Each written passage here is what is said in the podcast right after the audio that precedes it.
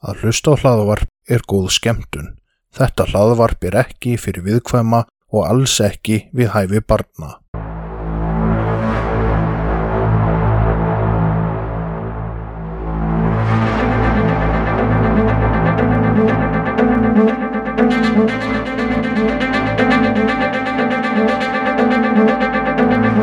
Þetta hlaðvarp er hluti af IK Network.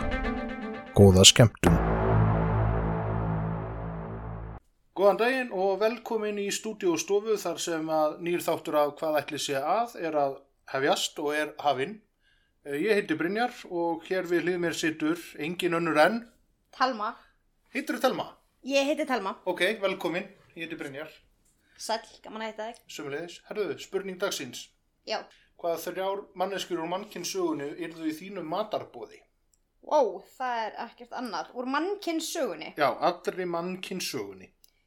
Það yrði Madame Curie, Já, Elvis Presley og Edmund Emil Kemper. já, það var í nokkuð skröðlegt matabóð. Já, því var sko að taka einn úr vísindasögunni, Já, einn úr tónlistinni já, og einn úr trúkræm. Það er svona það sem ég elska, vísindi, trúkræm og tónlist. Þannig ég verið að taka svona, deila þessu á áhugamáli. ok, já, nokkuð góð, góð blanda, sko. En þú? Ég, Já. um, ég myndi taka Kurt Cobain, ég myndi taka Steven Gerrard, sem er fótboltamaður fyrirverandi. Já, fyrir, fyrir liðið Liverpool. Tjúfellegt klár, ánægða Já. með því. Uh, og svo myndi ég væntalega taka Keith Richards líka. Viltu komast að lindamálinu hvernig þú getur lifað svona lengi á lifrin á þér? Já, komast það bara miðan við lífverðni hvernig þetta sé hægt. Já, ég held hann hljóta að vera með góð gen. Já, og ég held líka að það væri alveg skemmtilegt partí að vera þannig með honum og hlusta á alla sögunar, sko. Já, ég held að það geti verið mjög gaman. En talandi um að hlusta á eitthvað, Já, þá hefur þú verið að hlusta svolítið á podcast núna. e, mjög mikið, mjög mikið. Ég veit þú hefur nefnilega verið að hlusta á einhverja taka Texas Tower shooting málið Já, já, um hann Charles Wittmann. mhm, já, Og- stamir. Mér langar svolítið að taka það mál frá svona öðrum vinkli. Ok, hvaða vingli þá? Mér langar svo að fjalla um það út frá líffræði. Gat verið. Já. Ég er ekki hissa, en ok. Ok, það er spennandi. Kontum með það. Ok, þannig að ef einhver er að hlusta sem að vil alls ekki heyra einhverjar lýsingar á líffræði og einhverju þá mæli ég bara með að sleppa allavega svona lokum þáttarins til að byrja að fara örstutt yfir málið. Mhm, ok, fyrir þá sem ekki vita. Já, og, og fyrir þá sem að vita og kannski bara muni ekki alveg. Já, það er náttúrulega frekk mál í raun og veru. Já, þetta er mjög frækt mál og mjög mörg podcast búin að fjalla um þetta. Já, Eh. og myndir líka er það ekki. Ég man það ekki. Nei. Ég ætlaði alltaf að fjalla um þetta mál og mér hefur alltaf þótt þetta mál mjög áhugavert. Ég meðal annars búin að ná að tróða því í skólaverkefni og alls konar. Já, En það voru svo margir búin að tala um það þannig að ég gemdi og var að spá að hætta við. Mm. En svo langaði mig eiginlega bara að sjá hvort að við getum ekki tekið bara svolítið annað sjónarhörn á þetta. ok, Eða að tjekka á þessu. byrjaðu. Það er allir spenntir. Sérstaklega þú. Sérstaklega ég. Ég er alltaf spenntur. Herði, Charles Whitman fættist 24. júni 1941 í Flórida. Hann var góðu nefandi og skáti, en hann átti ofbeldisfullan föður sem var mjög skapstór og kröfuharður. Charles flutti að heiman þegar hann var 18 ára árið 1959 og fóru í sjóherin. Þar fekk hann þjálfun í að skjóta með rifli og lauk næst hæðsta stíði þjálfunar sem kallaðist snarp shooter. Stígin eru í raun þrjú, þannig að fyrsta stígið er markmanns, annað er snarpshooter og þriði er expert. Wittmann starfaði í Guantanamo sjóleðastöðun á Kúbu í meirinn ár áður en hann skráði sér svo til náms í háskólanum í Texas. Að þar kynntist hann eiginkonu sinni Catherine Lesner. Þau gengu í hjónaband árið 1962 en árið 1963 snýri Wittmann aftur til starfa hjá sjóhörnum. Hann var síðan listur frá störfum með sæmt stuttu síðar eða um miðjan sjönda áratugin. Hann skráði sig aftur í nám við háskólinni í Texas og hófa læra vélaverkfræði. Hann skipti svo yfir í nám í arkitektúr. Vittmann var fyrirmyndanemandi, hann fekk skólastyrk út á námsárangur sinn, en árið 1966 fór hann að þjást af mjög slæmum höfuverkjum og trublandi hugsunum. Hann breyttist mikið í hegðun á þessum tíma og námsárangurinn að svestnaði mikið. Hann misti skólastyrkin og fór að beita eiginkonu sína líkamlega ofbeldi. Charles var farin að hafa verulegar áhaugjur af geðhilsu sinni á þessum tímapunkti en hann fann fyrir vaksandi löngun til að taka bara briffil og byrja að skjóta fólk. Hann leitaði til sálfræðings í háskólanum sem hann hitti þó aðeins einu sinni. En það var tveim vikum áður en hann myrti móðið sína á hrottafengin hátt. Móðir hans hafði skilið við fadir hans eftir áralangt ofbeldissamband og flutt til Austin í Texas þar sem hún bjó rétt hjá Vittmann. Að kvöldi 31. júli 1966 skrapp Vittmann heim til hennar og bæði stakkana og skautana. En hann skildi eftir bref þar sem hann útskýrði að honum þætti þetta mjög leitt og að þetta hafi verið eina leiðin sem að hann sá til að lína þjáningar hennar. Hann heldi að þetta væri henni fyrir bestu. Þegar Vittmann kom heim þetta sama kvöld var eiginkona hans Katrin sofandi. Hann stakk hana til bana og skildi eftir annað bref til að útskýra hefðun sína. Í brefinu stóð meðal annars að hann elskaði eiginkonu sína heitt og hann gæti í raun ekki fundi neina sérstaka ástæðu fyrir því að myrðana. Hún hefði verið honum góð eiginkona og kannski hafi þetta bara verið eigingirni í honum eða jafnvel það að hann hafi verið að reyna hlífenni við skömminni sem myndi fylgja gjörðum hans. Því daginn eftir, eða þann 1. ágúst 1966, óg Vittmann að háskólanum í Austin, Texas. Í skottinu var hann með riffil sem hann tók svo með sér upp í útsýnisturn að háskólasöðinu. Þar myrti hann þrjá starfsmenn á leiðsinu upp í turnin en þegar uppar komið hóf hann að skjóta á fólk úr turninum. Vittmann skaut 45 manns og þar af 14 til bana en 31 særðist. Flest döðsföllin urðu fyrstu 15 til 20 mínúturnar en skotrið Vittmanns endist í 96 mínútur og lauk ekki fyrir en hann var skotin til bana af lauruglunni. Það eru eflust margir sem velta fyrir sér þarna hvað ætli hafi verið að. Já, sko þegar hlustar á þetta mál og þetta var svo nýtt líka daldi með svona skotar á sér. Þannig að löggan vissi ekkert heldur hvað hann átti að gera. Það var ekkert örglega eins og núna ef að það kem eitthvað svona. Við erum með sérsveitir og annað. Þannig að það er bara eitthvað skotar á sér og þá bara vita allir hvað að gera. Það er bara eitthvað búið að æfa, hvernig á að brjótast inn, hvernig á að blokka, loka, du, du, du. En þarna var ekki neitt. Allavega í bandaríkunum eru þau með gott plan. Ég veit ekki um allar þjóðir. Nei, nei, þá hérna örglega með lásasmiði og annað. Já, já þau færur ekki að senda lásasmið óvarinn og undan sérsveitinni og flettu vittlusum íbúðum og svona. Já. En hann hafði þess að skilið eftir sjálfsmórsbref. Mm Þannig að í rauninni þá hefur þetta eiginlega bara verið held ég svona dramatíst suicide by cop af því að hann er búin að gera sjálfsmórsbref. Þannig að ef hann hefur ekki ætlað að skjóta sig sjálfur þá hefur hann ætlað bara að láta laurugluna skjóta sig greinilega. Og í þessu brefi þá fór hann fram á það að það er framkvæmt krupning á líkjans til að reyna að finna einhverja skýringu á trublandi hugsununum og höfuverkjunum. Og kom einhver skýring á því? Hvað kom út úr krupningu? Hann var með axli á starfi valnetu Hvar þá? í heilanum Í heilanum? en þú áttið á því hvað valneta er stór. Já. Fyrir eitthvað sem hafi kannski sérstakann áhuga á þessu þá get ég sett bara mynd á Instagram af axlinu. Það er þetta að sjá bara að þetta er mjög stórt axli. En það var staðsett sem sagt í dreganum, eða hippocampus, sem er heilasvæði sem til er í gagnuablaðinu. En axlið var að þrýsta á möndluna. Var sem sagt valnetan að þrýsta á möndluna. Já, þetta er heppilega orðað. Eh, mandla fyrir þá sem ekki skilja. Já, það er nefnilega akkurat að fara að koma. Ok, ok, fyrir þau. Mandlan og dreygin tilheyra svo kalluðu limbísku kerfi en það gegnir líki hlutverki í skinnjun á tilfinningum svo sásauka, ánæju, reyði, óta, sorg, kynferðislegum tilfinningum og meiri segja hlýðni og væntumþykju. Þetta kerfi er stundu kallað tilfinningaheilin og þó að atferðl okkar sé stjórnað af öllu tögakerfinu í rauninni þá stjórnar þetta limbíska kerfi flestum ósjálfráðum hliðum. Svona hliðum sem snúa því að lifa af eins og til dæmis þetta þekta fight or flight sem er eiginlega í rauninni, já, svona fight, flight or freeze viðbræðið hvernig við bræðumst við hættu það er þetta kerfi Og var æxlið sem sagt í þessu kerfi? Já, það þrýsti á möndluna sem er hluta þessu kerfi og tilraunir á dýrum hafa gefið vísbendingar um að þetta limbiska kerfi sem inniheldur möndluna sé í leikil hlutverki þegar kemur á stjórna hegðunum og gjörðum.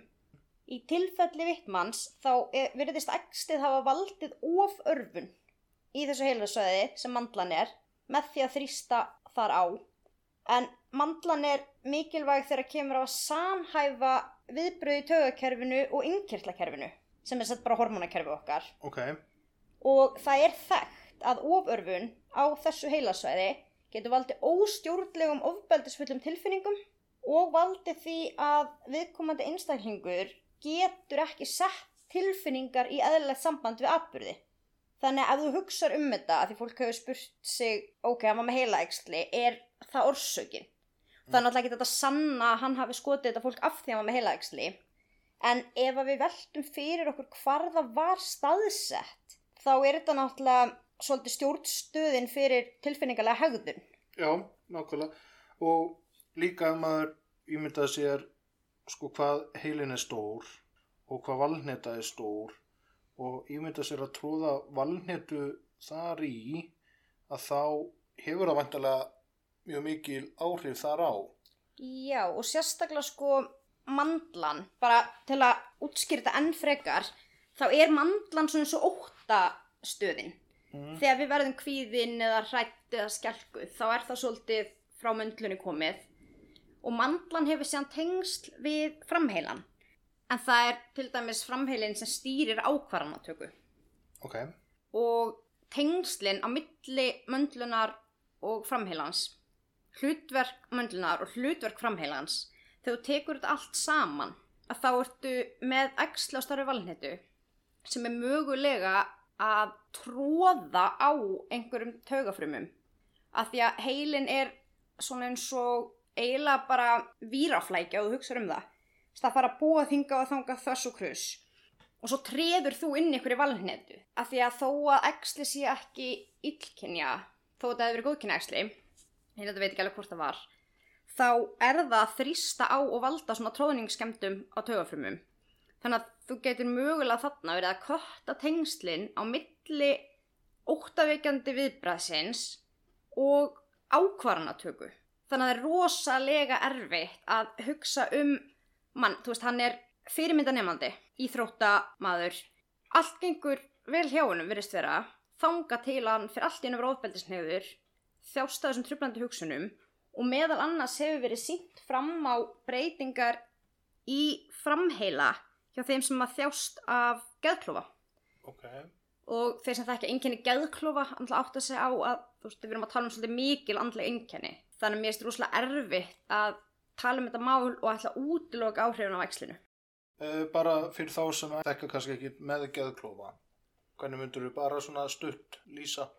Einkenni geðklofa eru í rauninni ofskinjanir, ránkugmyndir, ofsóknarbrjálæði en svo náttúrulega líka fleiri einkenni. Það er framtaksleysi, það er erfileika með einbeitingu, það eru alls konar erfið einkenni og svo er þetta náttúrulega mismunandi eftir einstaklingum hversu mikið er að hvaða einkennum, hversu slemt þetta verður og þetta er einhver einrannsson sem ég sá þarna sem síndi tengsl sko en ég ætla að hef ekki farið nákvæmlega út í það en það eru nefnilega fleiri mál sem ég fann Nú. til að, já, til að styðja við þetta sjónarhótt mitt að ég til að þetta heilagslega hafi skipt miklu máli Ok. Já, það, ekkert, það var ekkert sannað í raun og veru meðan Charles var það ekki? Jú, sko, það er ekki það sem er kallað orsakasamhengi Já, það er ekki hægt að sanna að ef hann hefði ekki verið með dagsli að hann hefði ekki skotið þetta fólk já, nákvæmlega, ok.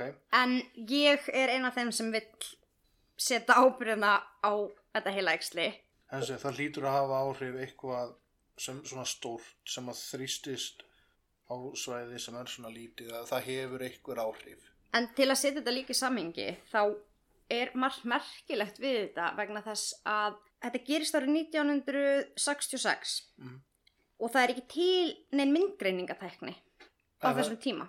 Bara krupningin sjálf er það ekki. Jú, það var bara hægt að kryfja til að sjá æxlið. Árið 1967 var byrjað að gera svona heilamyndgreiningu þar sem var byrjað að gera mús og árið 1971 fór fyrsti einstaklingurinn í myndgreiningu sem heldur örugglega hafi verið sniðmynd Ok. Frekar en segulómun, það heldur örugglega hafi verið sniðmynd en ári áður en tæknin til að greina æxlið var fundin upp. Þá gerist þetta. En þetta er bara rúmlega 50 ára gömul tækni. Já. Ok. Og líka í dag þá hefði náttúrulega sálfræðingurinn væntanlega geta gripið miklu meira inn í það hefði miklu meira verið að hjálpa honum. Já. Þannig að þetta er mál sem væri ótrúlega ólíklegt að lega sér stað í dag.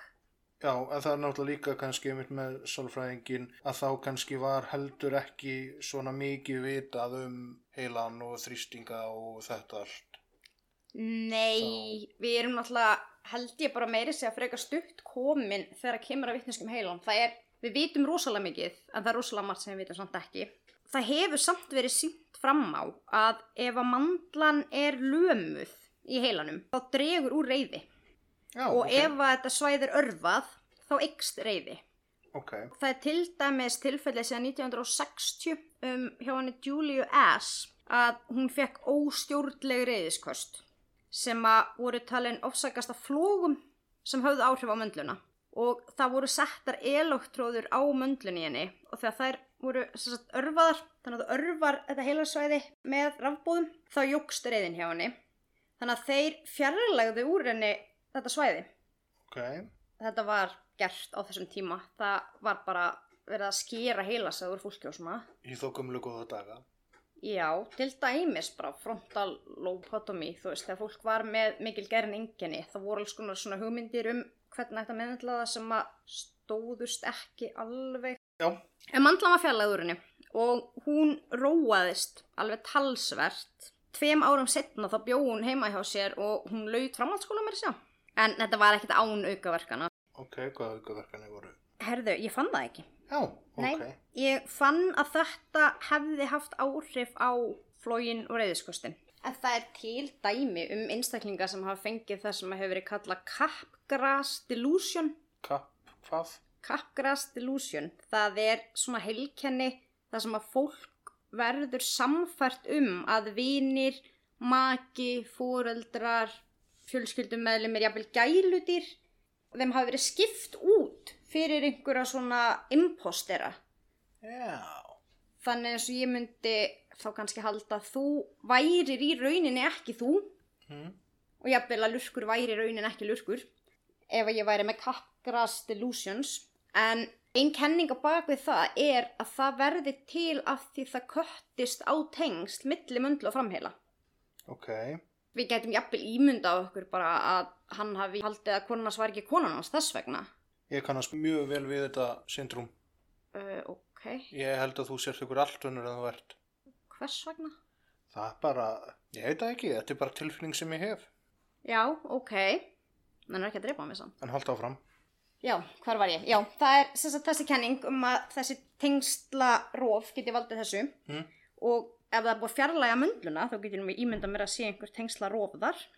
En svo var líka annað mál meðan Leonard Cale sem var verkfræðingur. Þetta er eiginlega svolítið, skondið mál með hann greið. Það gerðist líka árið 1966. Ok. Magnað ár í heilvörnum 66. Já, bara taugasálfræðilega væri mjög gaman að krifja bara svona söguna árið 1966.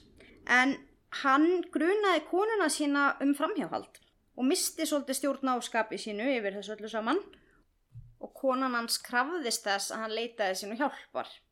Lennar var greindur með ofsóknabrjálaði og var talin hættulegur öðrum.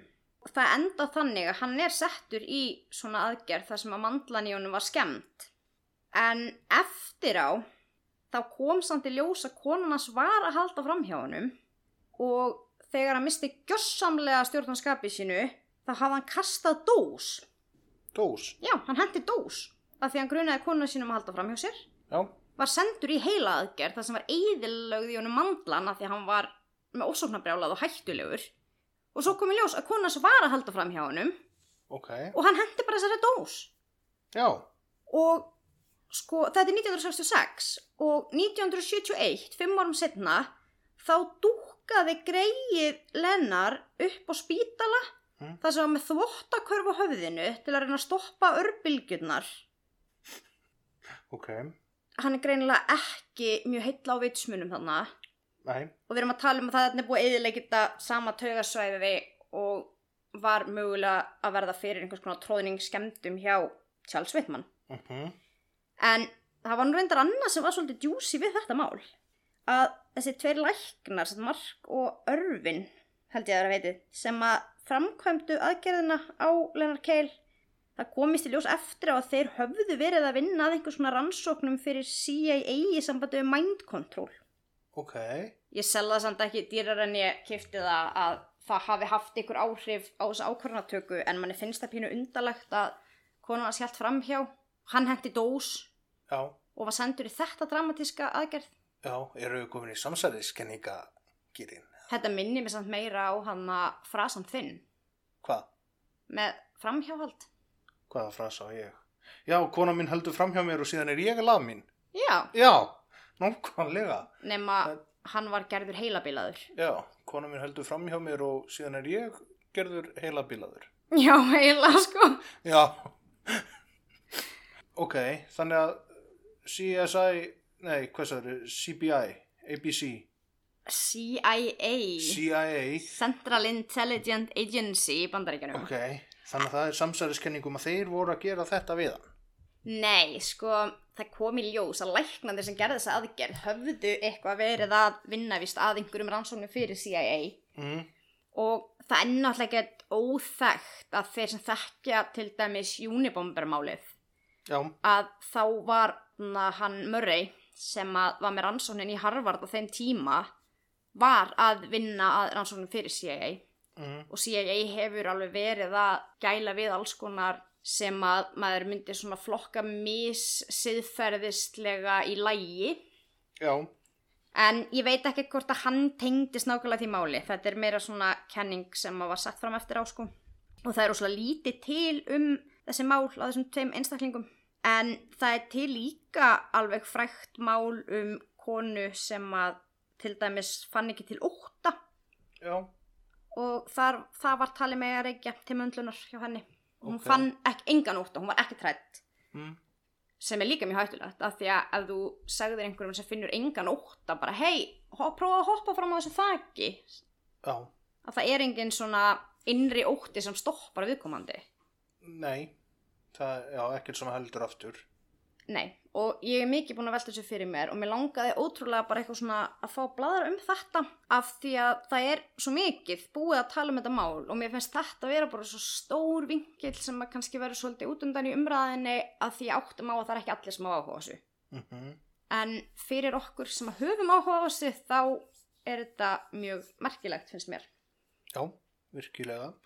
var ég búin að segja þér að ég náði á sam samnefndum mínum að koma þessu máli inn í heilavíku háar hvernig? herði, við vorum með kynningu á við vorum að tala um þess að bara afleðingar af heila skada Já, og við tókum Charles Whitman málið.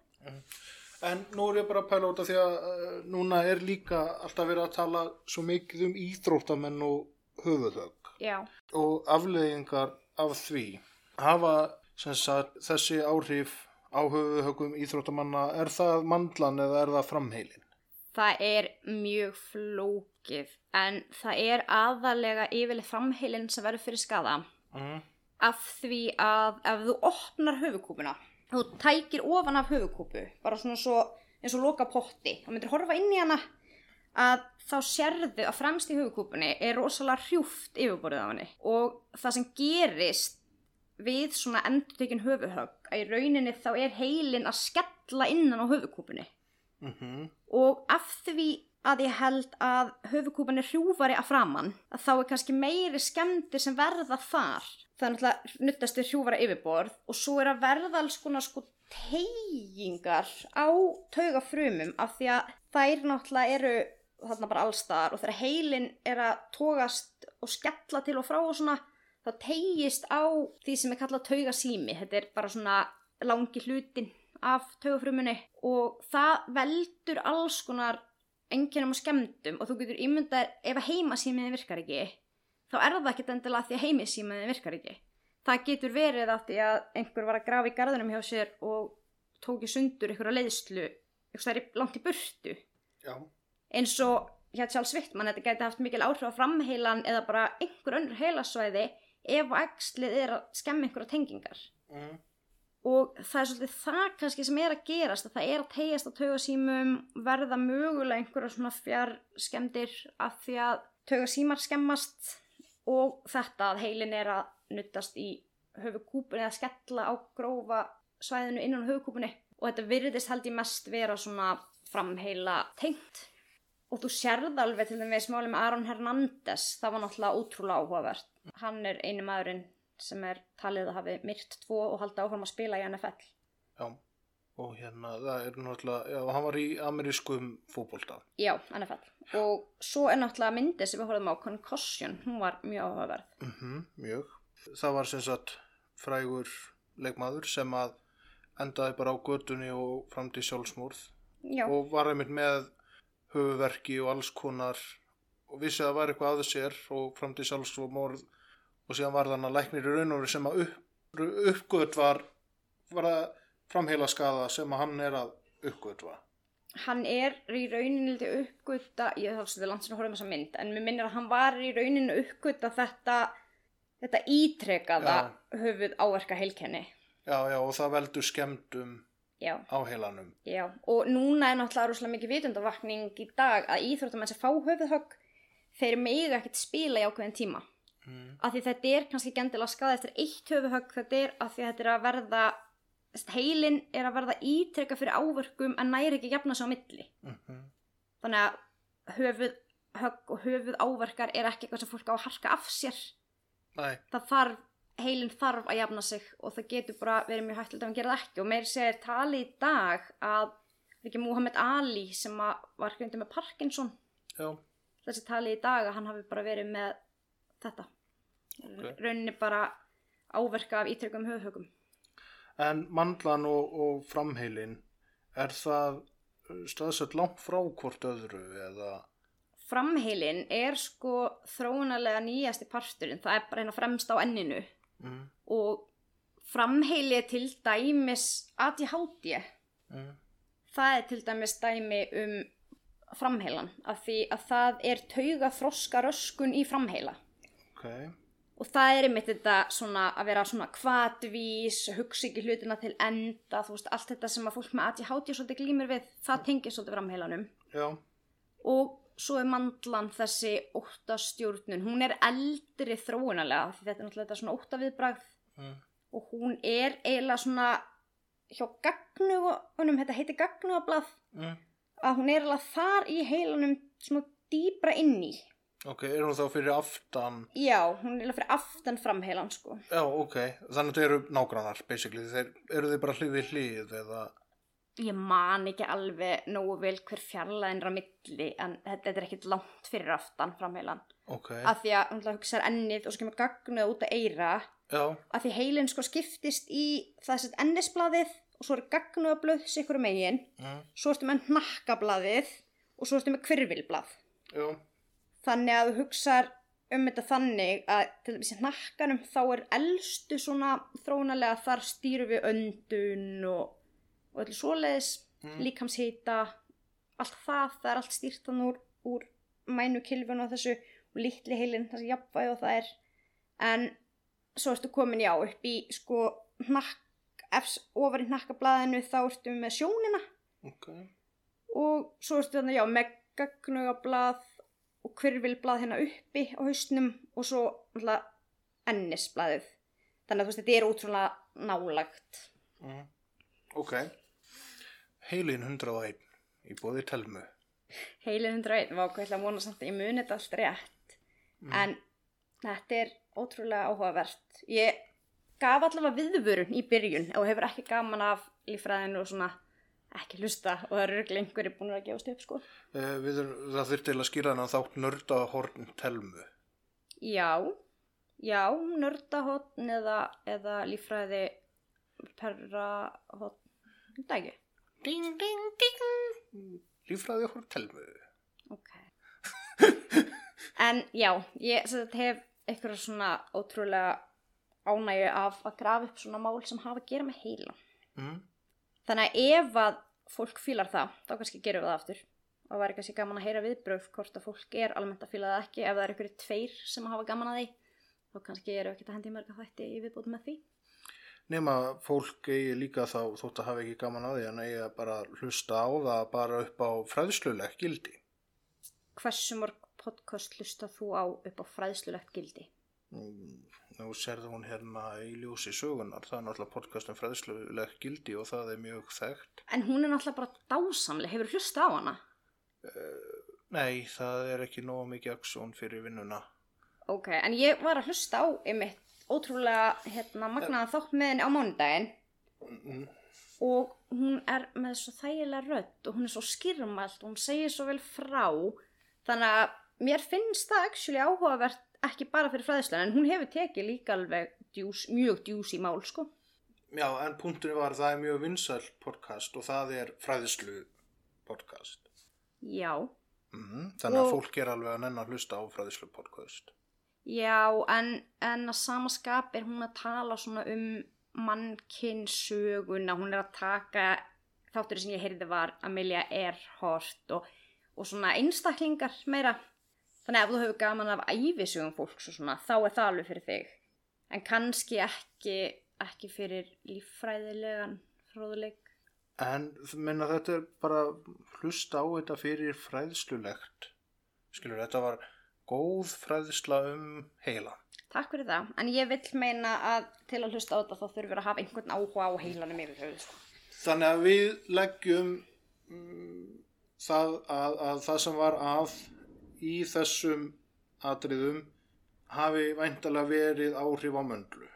Já, bara heila eksli Já, heila ægsli náttúrulega sem að hafði áhrif á möndluna. Já, Mm. já og mögulega framheila Já, og nákvæmlega. dregan og... Það er rosalega erfitt að segja nákvæmlega hvað hefur og, áhrif og á álfana og dvergana og ég held ekki var, þetta er ljómastundu eins og ævindir í. Svo er mandlan og dregin og þá koma álfanir og dverganir og síðan er hoppitanir þannig hlaupandi. Það er náttúrulega til Það eru til miklu verri nöfn Við erum með sortukjarna Ístað. Já, hamarstæði og ístað Já, Það er náttúrulega bein já. Hver skýrir þetta? Eða þýðir þessi nöfn? Mm, það er góð spurning. Það er ekki bara sko sortukjarni, dreki, mandla Við erum með stúku Já, en út af fórst í þýðingar. Já, Skilur það meikar engar þýðingar neitt sens. Ef þú pælir í gullrót, hún er appelsínugull, ekki gull. er ekki appið sem guld samt afbreyða gulum Uh, jú, en okkur heitir hún þá ekki rauðrót. Þegar hún er appelsínugull, náttúrulega rautt og gullt verður appelsínugull. Þannig að þú er hlækið til að nætta þetta appelsínurót Já, eða rauðrót. En það eru líka til hvítar og fjólublá gulrætur Já, og, og actually gular gullrætur. Ó Mhm. En Binni. Eru ræturnar gular? Mm Sjálfa ræturnar Kannski eru þær gular, þá væri þetta gulrætur Já, mm, ég hef ekki pælt í því. Nei, en talandi um samt svona orð Veistu hvað ég gerði núna fyrir helgina? Lærðir fyrir próf. Já, en ég bauð banninu að við getum haft svona videoparty það við höfum alltaf gert þetta sem hann var lítill saman þar sem við getum hort saman á Jeffrey Dahmer Já, Ég ætlaði ekki að bjóða banninu að horfa á Jeffrey Dahmer þú væri alveg víst til þess að sko. Já, Nei, ég... ég, nú saman á okkur viðbjóð.